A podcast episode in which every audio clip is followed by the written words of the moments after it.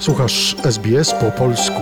Więcej ciekawych historii znajdziesz na stronie sbs.com.au ukośnik polisz.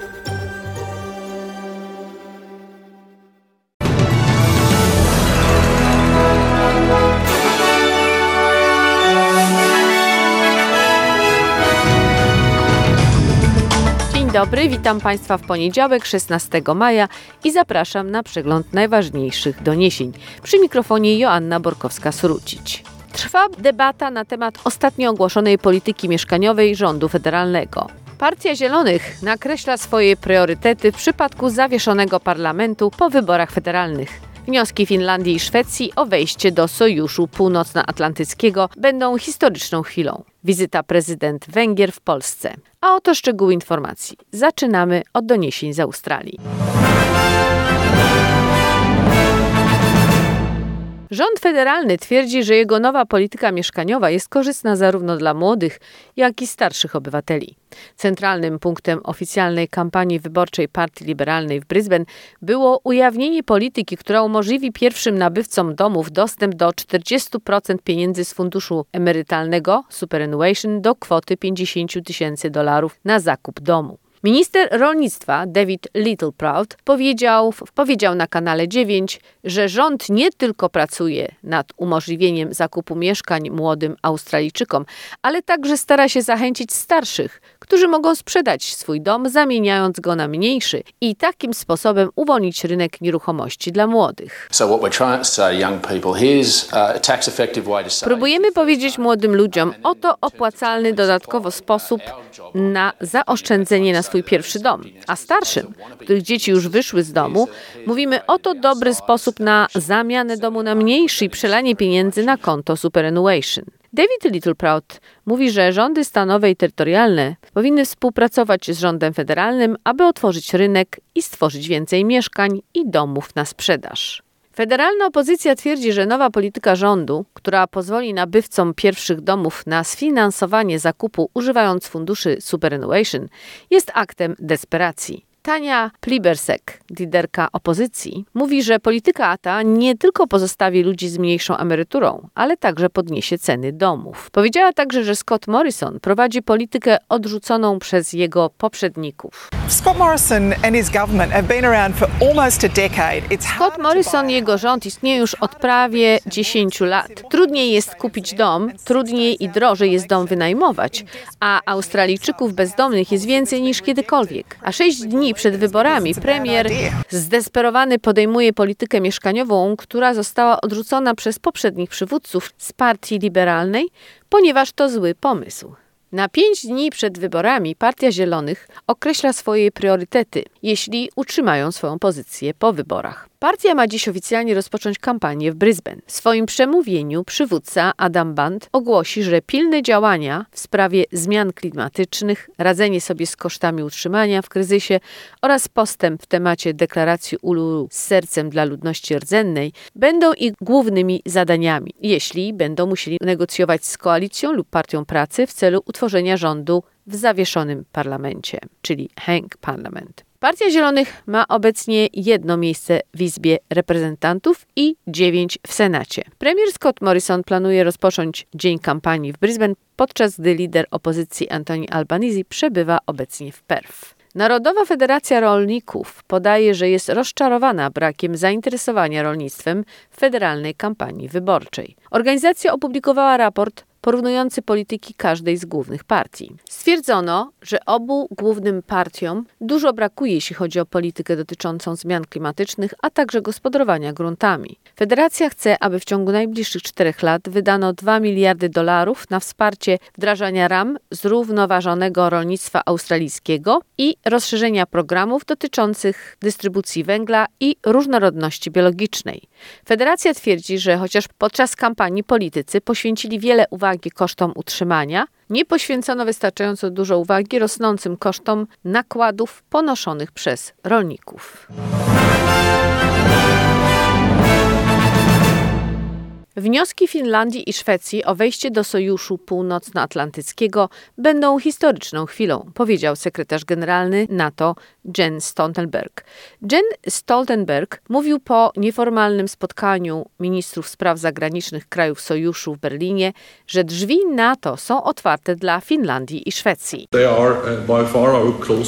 uh, Te kraje są naszymi najbliższymi partnerami. Współpracują z NATO od wielu, wielu lat. I jeśli Finlandia i Szwecja złożą wnioski i dołączą do sojuszu, wzmocni to oba kraje, ale też wzmocni stabilność w obszarze euroatlantyckim. Szef sojuszu przyznał, że Turcja zgłosiła pewne zastrzeżenia i obawy związane z członkostwem obu krajów w NATO, ale wyraził przekonanie, że wszelkie problemy zostaną wkrótce rozwiązane. Powiedział też, że władze w Ankarze dały do zrozumienia, że nie będą blokować procesu rozszerzenia sojuszu. Turcja zgłasza zastrzeżenia w związku z poparciem Szwecji dla partii pracujących Kurdystanu, którą uważa za organizację terrorystyczną. Ukraina może wygrać wojnę, uważa sekretarz generalny NATO. Jens Stoltenberg powiedział po nieformalnym spotkaniu ministrów spraw zagranicznych sojuszu w Berlinie, że inwazja Rosjan nie przebiega tak, jak planowała Moskwa. They failed to take Kiev. Nie udało im się zdobyć Kijowa, wycofują się z Charkowa, a ich główna ofensywa w Donbasie utknęła w miejscu. Rosji nie udało się osiągnąć strategicznych celów. Prezydent Putin chce klęski Ukrainy, upadku NATO i podziałów między Ameryką Północną a Europą. Ale Ukraina się trzyma. NATO is stronger than ever. Europe and North America are solidly united. Szef NATO podkreślił też, że sojusznicy muszą zwiększyć wojskowe wsparcie dla Ukrainy. Dodał, że dotychczas przekazana pomoc warta jest miliardy dolarów. Wcześniej siły sojuszu pomogły wyszkolić ukraińskie wojsko, a rezultaty, jak mówił Jen Stoltenberg, widać każdego dnia na polu walki. Prezydent Ukrainy Wołodymyr Żeleński powiedział, że brutalność okupantów, której Ukraina doświadcza na co dzień, doprowadzi tylko do ich porażki. Jego zdaniem rosyjscy żołnierze, którzy przeżyją, sprowadzą zło z powrotem do Rosji, ponieważ się wycofają. W nagraniu opublikowanych w mediach społecznościowych przekazał, że agresorzy przeprowadzili ataki rakietowe w obwodzie lwowskim i donieckim, a także na Hulajpol, Siewierodonieck i Łysyczańsk. Przygotowujemy się także na możliwy nowy rosyjski atak w Donbasie oraz obserwujemy poruszenie na południu Ukrainy. Okupanci nie chcą przyznać, że są w ślepej uliczce i ich specjalna operacja zbankrutowała, ale Ukraińcy im pokażą, jaka jest rzeczywistość. Dany moment, kiedy ukraiński naród dotisnie zagarbników do pełnego wyznania nimi realność. Wołodymirz Zeleński powiedział także, jaka jest sytuacja obrońców zakładów Azowstal w Mariupolu. Kontynuujemy skomplikowane i delikatne negocjacje w celu uratowania naszych ludzi z Mariupola i Azowstali. Zajmujemy się tym codziennie. Najważniejsze jest, aby dotychczasowe ustalenia zostały dotrzymane. W kalifornijskim mieście Laguna Woods jedna osoba zginęła, a cztery zostały ciężko ranne w strzelaninie w kościele, poinformował Departament Szeryfa Hrabstwa Orange. Ofiara zginęła na miejscu, napisano na Twitterze wydziału. Jedna osoba miała także odnieść niewielkie obrażenia. Wśród poszkodowanych nie ma dzieci. Policja poinformowała również o tym, że w związku ze strzelaniną zatrzymano jedną osobę. Funkcjonariusze są także w posiadaniu broni, której prawdopodobnie użyto do ataku. Laguna Woods znajduje się 70 km na południowy wschód od Los Angeles. Doradca prezydenta Andrzeja Dudy, Paweł Sałek, ocenił, że wizyta prezydent Węgier w Polsce jest ważna z punktu widzenia przyszłości, a Węgry są ważnym partnerem naszego kraju w Unii Europejskiej. We wtorek w Warszawie Katalin Nowak ma spotkać się z prezydentem Andrzejem Dudą. Gość polskiego radia Paweł Sałek uważa za istotny fakt, że głowa państwa Węgier udaje się z pierwszą zagraniczną wizytą do Polski. Ta wizyta jest o tyle istotna, że musimy także myśleć o przyszłości. Musimy mieć świadomość, że Węgry są ważnym partnerem Polski w e, Unii Europejskiej. Wiele razy Węgry też w układzie trudnych sytuacji z Komisją Europejską, na przykład czy w Parlamencie Europejskim, wspierały Polskę w takich sprawach, które są pozatraktatowe. I nie mówię tutaj o sprawie związanej z sądownictwem czy ze sprawami Sądu Najwyższego. Nie, ja mówię o kilku innych sprawach. Doradca prezydenta dodał, że ta relacja i współpraca powinna być kontynuowana i nie można wszystkiego, jeśli chodzi o problemy wojny na Ukrainie, zrzucać na Węgrów.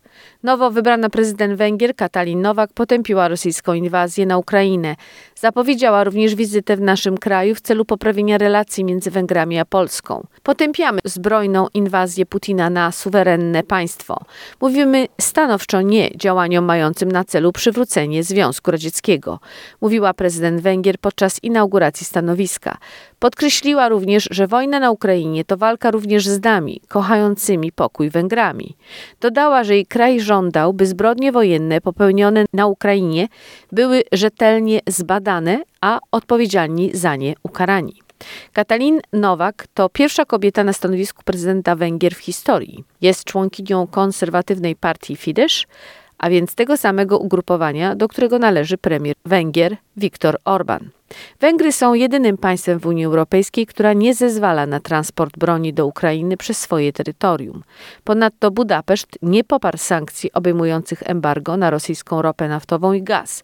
Te decyzje wpłynęły na ochłodzenie stosunków między Polską a Węgrami. W najbliższych dniach zacznie działać punkt interwencyjny Rzecznika Praw Dziecka i Dziecięcego Telefonu Zaufania dla osób z Ukrainy, powiedział na antenie programu Pierwszego Polskiego Radia Rzecznik Praw Dziecka Mikołaj Pawlak. Zainteresowani będą mogli porozmawiać w swoim języku ze specjalistami z różnych środowisk, także z tymi, którzy sami uciekli przed wojną. Jak dodał Mikołaj Pawlak, pierwszy punkt zostanie uruchomiony w Łodzi, następne we Wrocławiu lub okolicach i na Lubelszczyźnie. Jak wyjaśnił Rzecznik Praw Dziecka, z jednej strony punkty interwencyjne będą działały doraźnie, gdy potrzebne jest wsparcie psychologiczne lub w skierowaniu do konkretnej instytucji. To także wsparcie w szkole i urzędzie w zakresie rejestracji czy spraw socjalnych. Z drugiej strony będą na miejscu, by korzystać z kompetencji Rzecznika Praw Dziecka i wspierać instytucje m.in. w zakresie interpretacji prawa. Rzecznik Praw Dziecka przypomniał, że w pierwszych dniach wojny na Ukrainie uruchomiono całodobowy dziecięcy telefon zaufania w języku ukraińskim. Od kilku dni działa też specjalny czat internetowy. I na zakończenie prognoza pogody na jutro, wtorek 17 maja.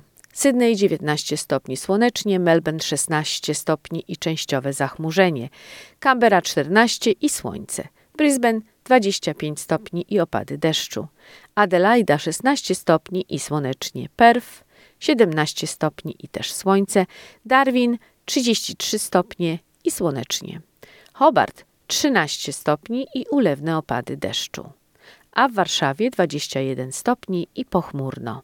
Według ostatnich notowań walutowych dolar australijski jest wymienialny na 70 centów amerykańskich i 3 zł i 13 groszy. Przegląd najważniejszych wydarzeń przygotowała i czytała Joanna Borkowska-Surucić.